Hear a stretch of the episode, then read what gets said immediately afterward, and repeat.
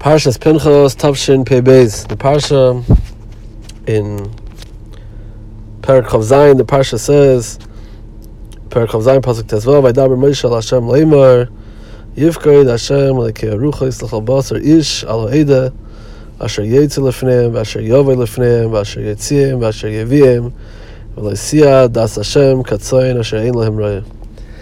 These psukim are referring to, are discussing the conversation that Moshe Rabbeinu had with HaKadosh Baruch Hu, Kav after he was informed that he will no longer be the manig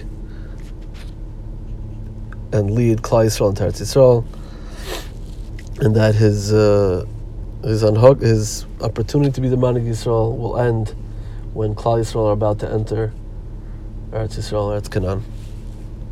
And Moshe Rabbeinu tells tells HaKadosh Baruch Hu that the person that you should appoint has to be someone asher lefneim, asher yovei lefneim, asher yetziem, asher yeviem, adas Hashem katzen lehem raya.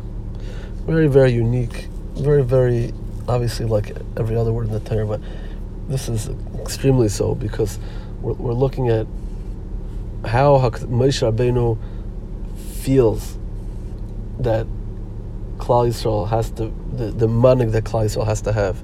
What qualities does this manig have to have? And he says, very few words. He could have said a lot of different things.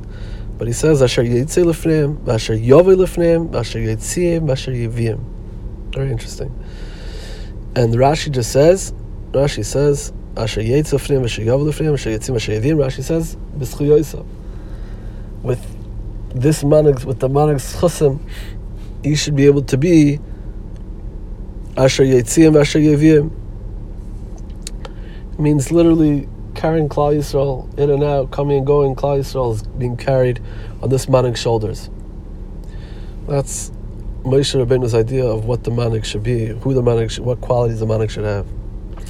Rabbi Yochim says that this idea is likely very different than the way most of us would have thought to describe who the manik and who the manik should be and what the what qualities the manik should have. We could have said the manik should be a gibar. The manik should be someone who's like a has general general like qualities, general as in an art, military general like qualities. Who's a you know someone who's uh, strong and mighty, someone who has uh, you know who's fearless and things like that someone who you can stand behind. You're not scared to stand behind. He's a you know a powerful person. It's not what what's not what Moshe Rabbeinu said.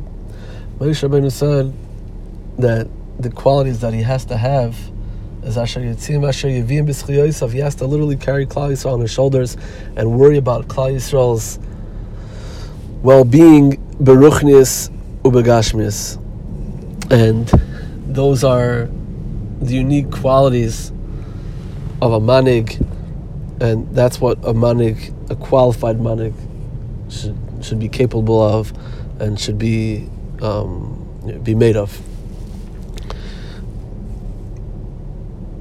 You know that when we think of a manig, so so Biruchim says that these are the qualities that Moshe Rabbeinu said you know, we should look for Hakadosh Baruch Hu should appoint. Since it's, it's, it's, a fascinating idea that Moshe Ben is telling Klal Yisrael. Moshe Ben is telling Hakadosh Baruch Hu what he thinks who should be a manik, but um, you know, you, you might think that maybe it's uh, you know that you might have thought of other things. And it's very interesting how he doesn't. Uh, Moshe Ben didn't say uh, he has to be the biggest Talmud Chacham. He has to be you know, the biggest lamdan, he has to be even the biggest Yar Shemaim. Like, could be he does. Could be he does have to be all that. But he has to be he has to be able to carry Klal Yisrael Baruchni Begashmi. That's the most important thing.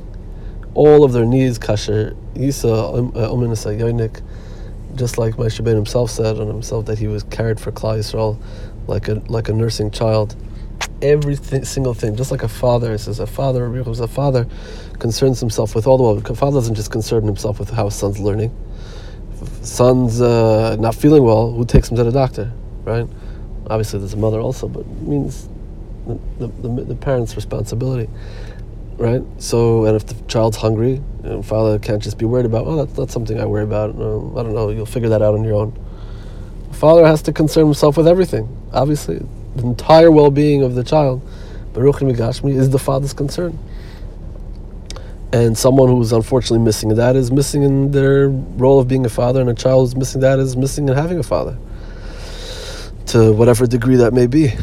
And those are the th- those those are the qualities of a father. That's every father is all encompassing, and that's what a manig has to be. You know, um, a bit more on a personal level. Um, we're not far removed. In fact, we're still in the middle of the shiva of someone who I had personally had the opportunity to have a shaychus with. Rabbi Shmuel Yehuda ben Ram Chaim Halevi Levine, who's Shiva in Telz Yeshiva in Chicago for a few years after his father's passing about four years ago.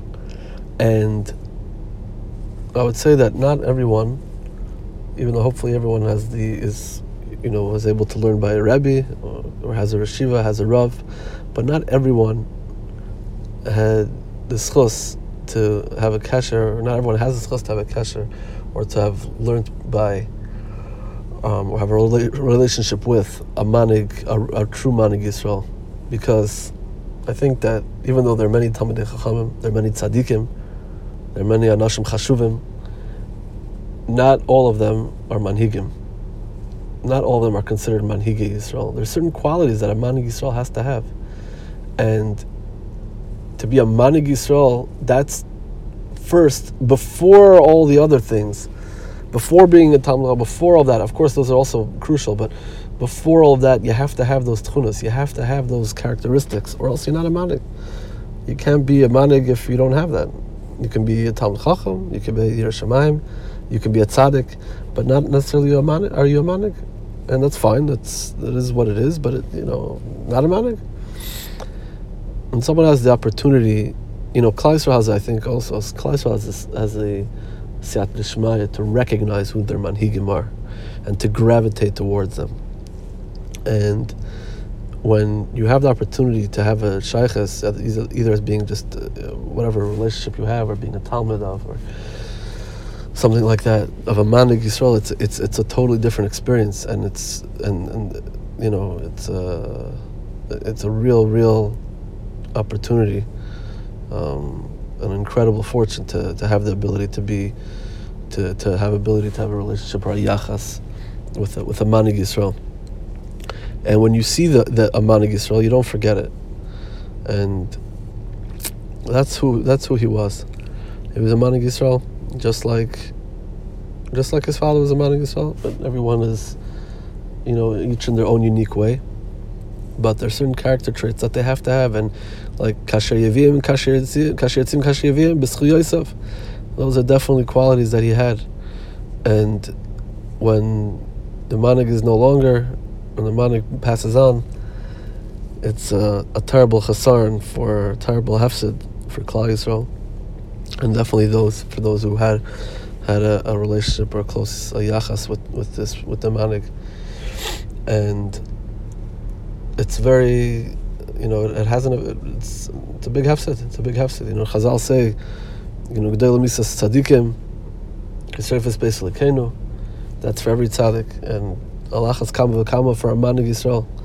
When a manig Yisrael moves on, when a manig Yisrael passes on to the Oil Mamas, then not only is there a Sreifa space Lekenu that there exists by Talmud Chacham and Tzadikim, there's an extra hefsed, there's there's a, a loss to the Klal Yisrael as you know they lost uh, they lost the Av, they lost the father, they lost Kasher Kasherisa Uman Sayonik, they lost the Uman, they lost the person that t- took care of them, lost the person that, that nurtured them, and something like that is, is very hard to very hard to deal with. We know how how hard it was for Klal Yisrael. The Torah describes how hard it was for Klal Yisrael to to continue on after Mises Moshe, Obviously, there's still going to be Yeshua, Le'alman Yisrael, because Baruch Hu ensures that there's always going to be a leader. There's always going to be a Yeshua after Amosha, but it's a transition, and it's not easy. And every and every manig has their own way, their own uniqueness that they bring. And again, even though they seemingly should have all these characteristics, these midas, these tchunas, you know, they have a different way maybe of bringing it out, and there's a you know a uniqueness to each one of them, and what one has, the other the other the other may not. And you know, just myself personally, it was uh, it was a schus to have you know any sort of kasha that I had with him, and so many things to learn from, so many things to, so many things that I've you know zeichet to see. And you know, I guess the only message that I can think of, you know, is that if one has the opportunity to take advantage of having a kesher and a yachas with someone like that, then they should run and grab it. And not everyone has that opportunity. Everyone hopefully has a rav, a selach harav, everyone has someone that they can talk to, that you know, Talmud Chacham, a tzaddik, uh, Adam Chashav. But not always is that person a Manig Yisrael. There are manhigim, certain manhigim maybe on a smaller ofen. I don't know. I don't know if that's. I don't know how that works exactly. But a manig Yisrael, there are only very few. And when you have a manig, the opportunity to have a kesher with a manig Yisrael, you should run and grab it. And it's something not to be taken lightly. lightly. We should all be zeicha in these days of Bein Hametzarim, especially to realize what we're missing and to Mirza Hashem to the replacement, the ultimate replacement of Mashiach ben David with the Binyan Beis Hamikdash. B'mehera b'yameinu, Amen.